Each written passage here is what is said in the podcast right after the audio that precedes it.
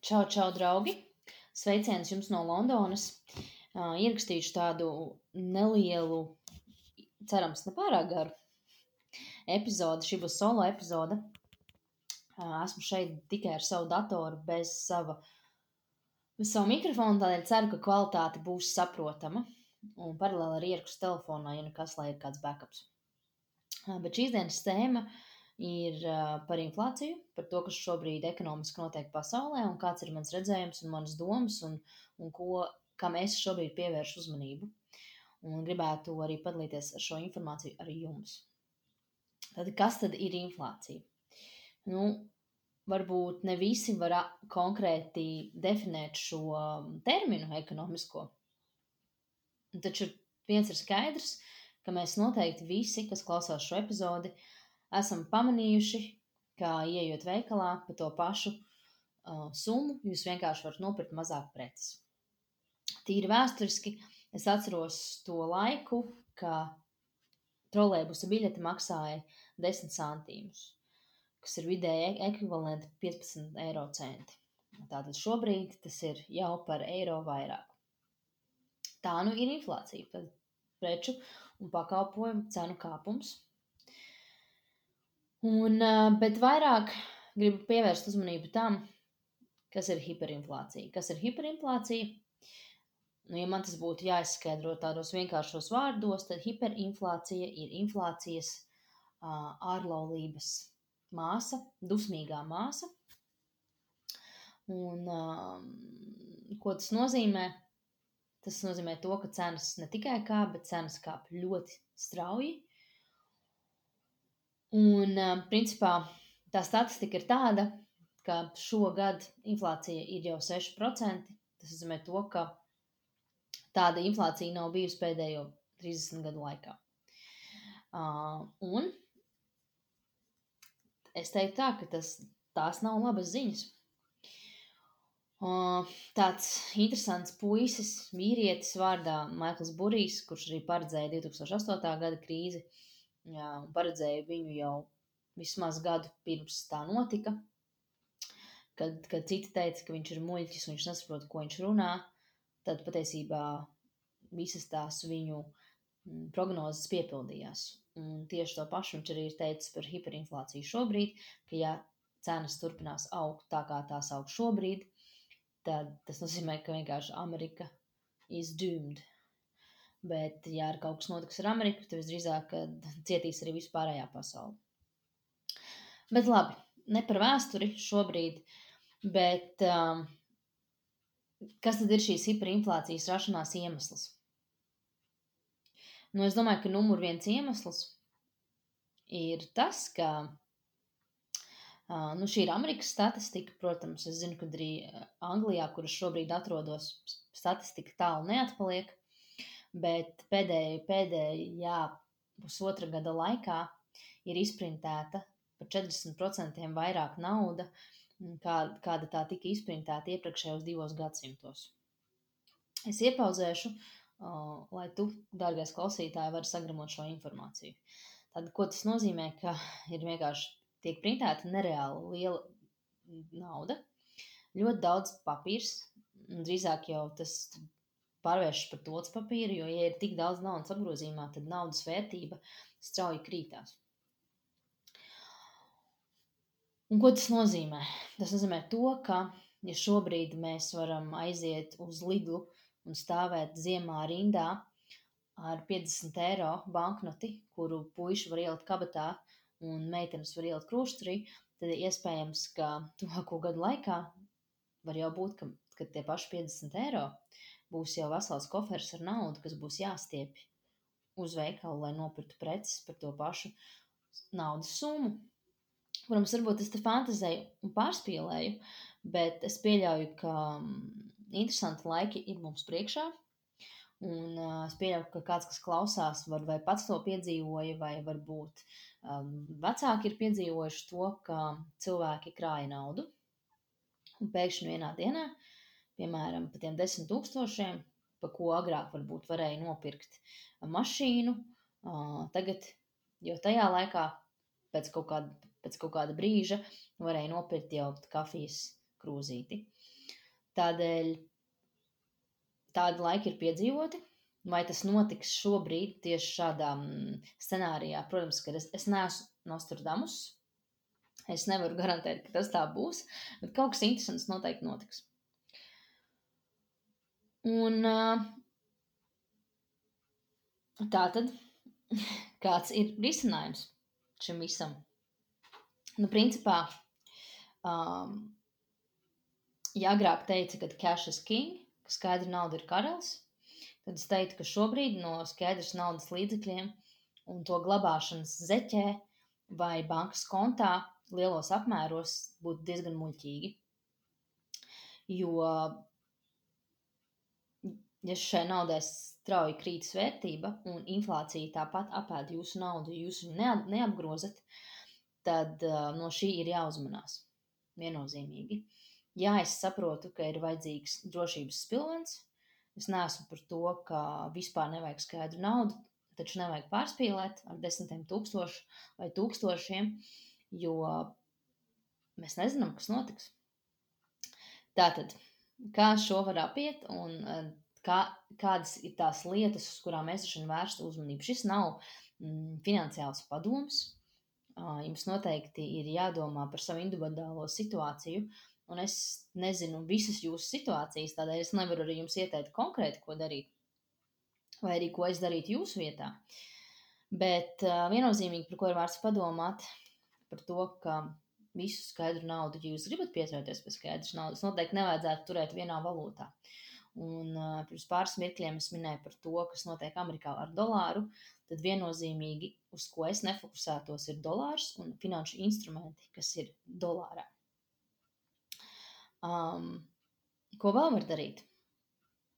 Jā, daudz teiks, ka ir jāpērk uh, dārgmetāli, kā zelta un sudrabs. Protams, um, to var darīt. Jautājums ir, kādos daudzumos, uh, kur jūs viņu glabāsiet. Jo es pieļauju, ka visticamāk būtu jāfokusējās uz uz fizisko zeltu un sudrabu, nevis uz digitālo versiju. Ja nu vienīgi jums ir ļoti daudz naudas un jūs vēlaties nopirkt fizisko zeltu un sudrabu, bet jūs nezināt, kur viņu turēt, tad ir uzņēmumi, kuri jūsu vietā turēs, protams, par maksu šos dārgmetālus. Bet tas ir tad, ja jūs gribat tur nereāli, nereālāko kāpostu likt iekšā dārgmetālus. Um, kāpēc dārgmetāli? Tāpēc, ka tīri vēsturiski šis ir limitēts resurss, un un attiecīgi limitētam resursam vienmēr celsies vērtība pret, pret fiat valūtu.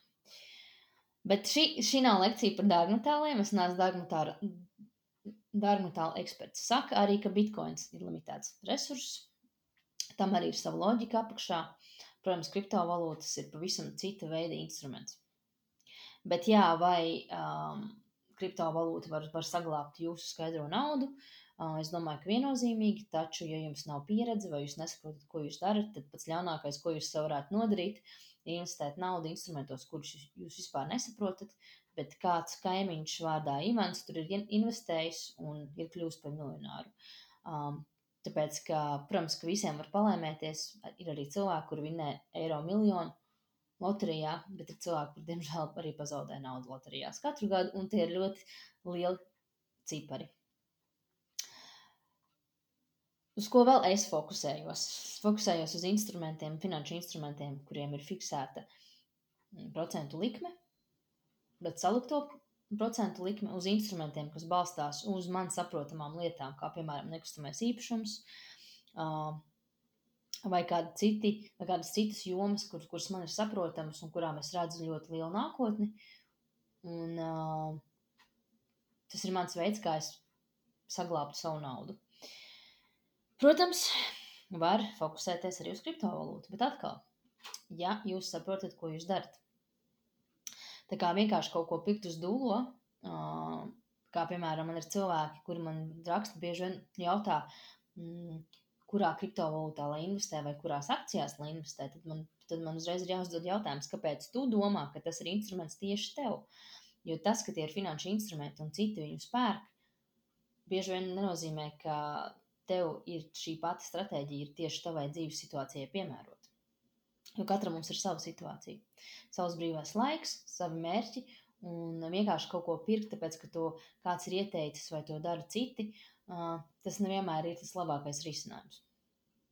Un es to jums saku no savas rūktenes saldās pieredzes. Jo man ir gājis visādi. Es arī esmu investējis uz dūlo lietās, un tas nekad nav labi beidzies. Ir, ir bijušas situācijas, kuras, kuras izlēma par nulēm, bet ir, ir bijušas ļoti daudz arī situācijas pagātnē, pirms kādiem pieciem, sešiem gadiem, kur tiešām nu, tās manas uz dūlo izvēles uh, man ļoti dārgi izmaksāja. Un, ja mēs, ja mēs tā vēsturiski skatāmies, ka ir desmitgadīgas krīzes un ir simtgadīgas krīzes, tad nu, iespējams, ka mēs ļoti strauji tuvojamies simtgadīgajai krīzē.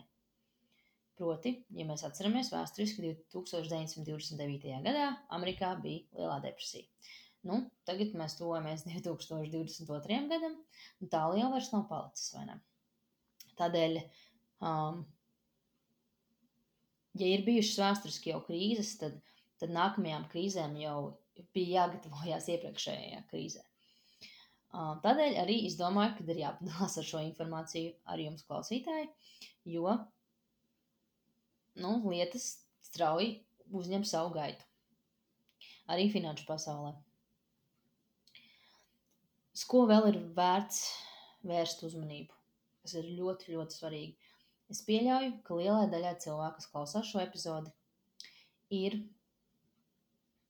mājokļa, mājokļa kredīts, Un es jums silti ieteiktu iziet cauri jūsu līgumiem ar kreditoriem, vai tā ir banka, vai, vai tas ir kāds privātais, un izvērtēt noteikumus un kā tie atsaucas uz šādām situācijām. Jo bieži vien noteikumi par procentu likmēm ir mainīgi, balstoties uz ekonomisko situāciju valstī. Un esmu dzirdējis ļoti daudz stāstus, kad ir cilvēki, kuri ir paņēmuši kredītu, piemēram, 2006. un 2007. gads nav iedzinājušies savos līgumos. Un tad uznāca 8. un 9. gada krīze, un tad cilvēkiem bija pilnīgi citas summas jādod. Un, jo vienmēr, jebkurā līgumā ir kaut kāds small print, kaut kāds mainīgais. Un es ieteiktu ar, ar bankām sazināties un noteikti izvērtēt to, kas jums ir un kā tās lietas, kuras šobrīd uzņem gaitu, var ietekmēt jūsu mājokļu kredīta procentus vai kaut kādus termiņus. Var jau būt, ka nekādīgi, bet ir vērts iemest tāds viennozīmīgi. Nevajag noignorēt šīs lietas, jo, ja jūs nelasīsiet kārtīgi līgumus, tad, tad tas iespējams jums var maksāt pat jūsu mājokli.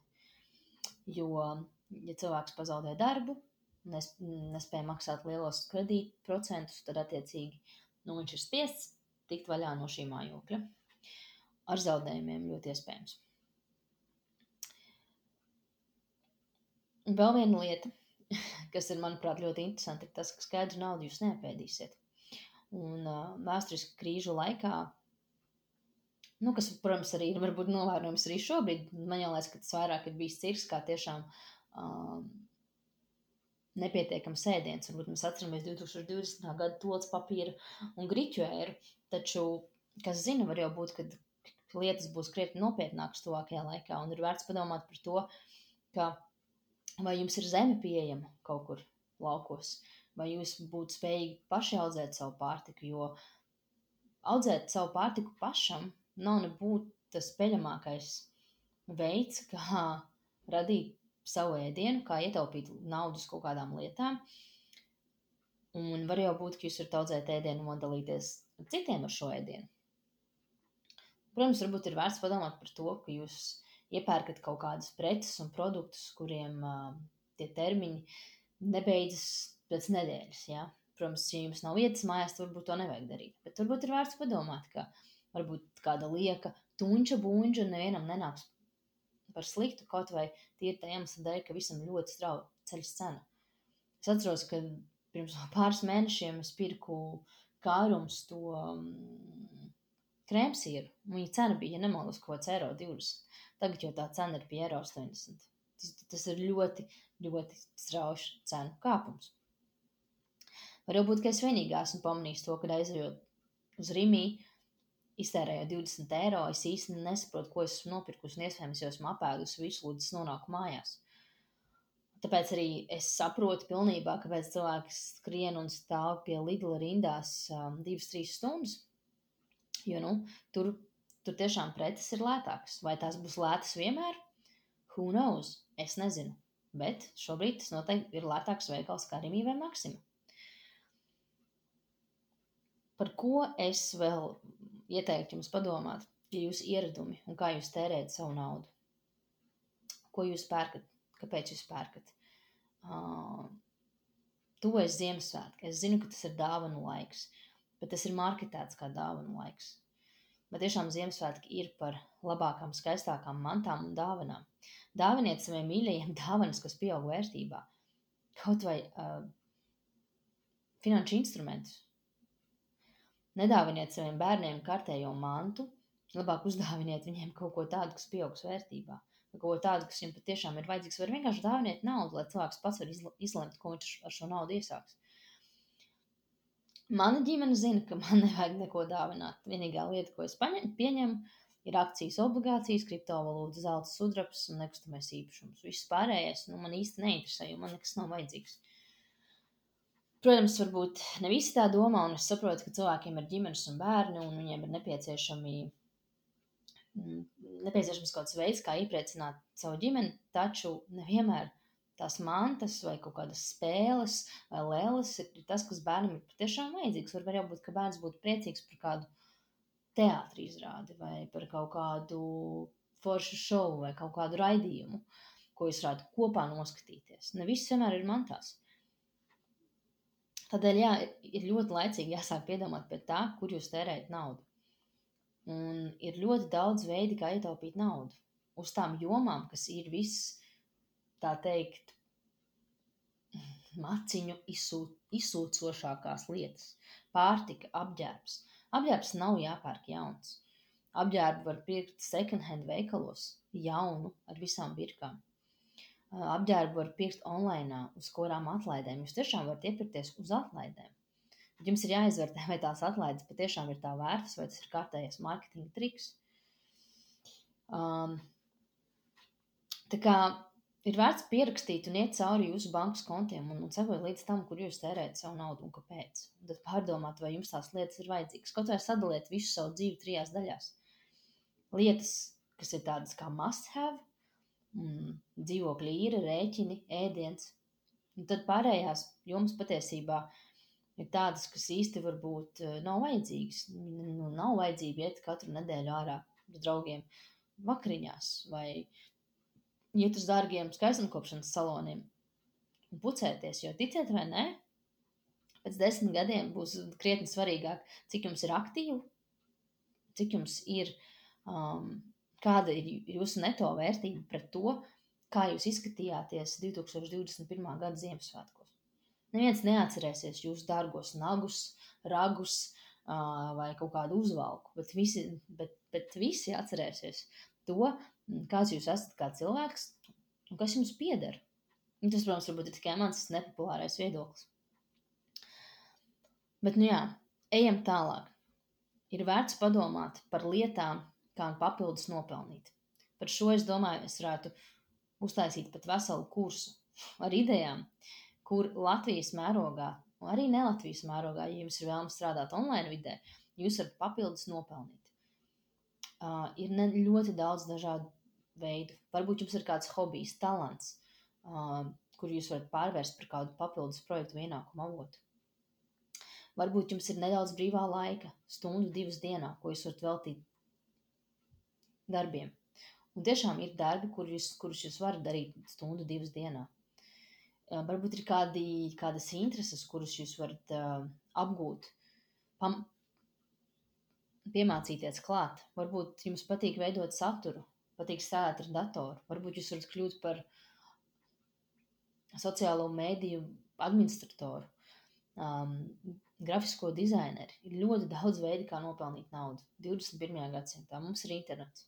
Mums ir tik daudz iespēju, ir tikai jāpaceļ divans no dīvaina un jāsāk kaut kas darīt.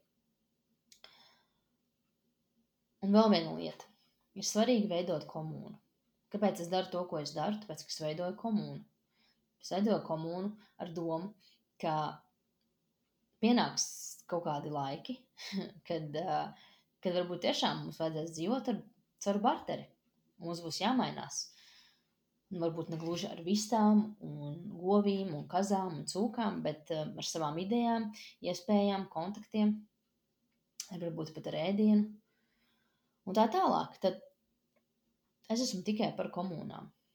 Un man īstenībā ir plāns nākamo gadu izveidot uh, finanšu pratības komūnu. Mm, ja jums ir interese vai jums ir kādas idejas, tad es vienmēr laipni gaidu jūs savā Instagram profilā, at, atrodu savu balsi, vai arī droši rakstat man Facebookā. Rakstat man Facebookā, un uh, vai arī uz e-pastu. Mans e-pasts ir pieejams internetā. Tā kā Šīs ir tās manas idejas par to, ko darīt šobrīd, uz ko vērst uzmanību. Un uh, es ceru, ka jums kaut kas aizķērās. Ja jums ir kādi jautājumi, vienmēr droši varat arī man rakstīt par jebko. Um, centīšos palīdzēt, dalīties ar informāciju. Un uh, es, es vienmēr esmu par to, ka jādzīvo ir tā, lai vide neveido manu dzīvi, bet es veidoju vidi apkārt sev. Un jā, šīs lietas notiek, bet ir vērts fokusēties tikai uz to, ko mēs varam ietekmēt. Mēs varam ietekmēt, kā mēs veidojam savu dzīvi. Mēs nevaram ietekmēt to, cik banknotes Amerikā kāds izprintē 24 stundu laikā. Tādēļ es ceru, ka, jums, ka jūs liksiet šo informāciju aiz auss. Visādi citādi tikamies apakaļ Rīgā. Pagaidām, čau!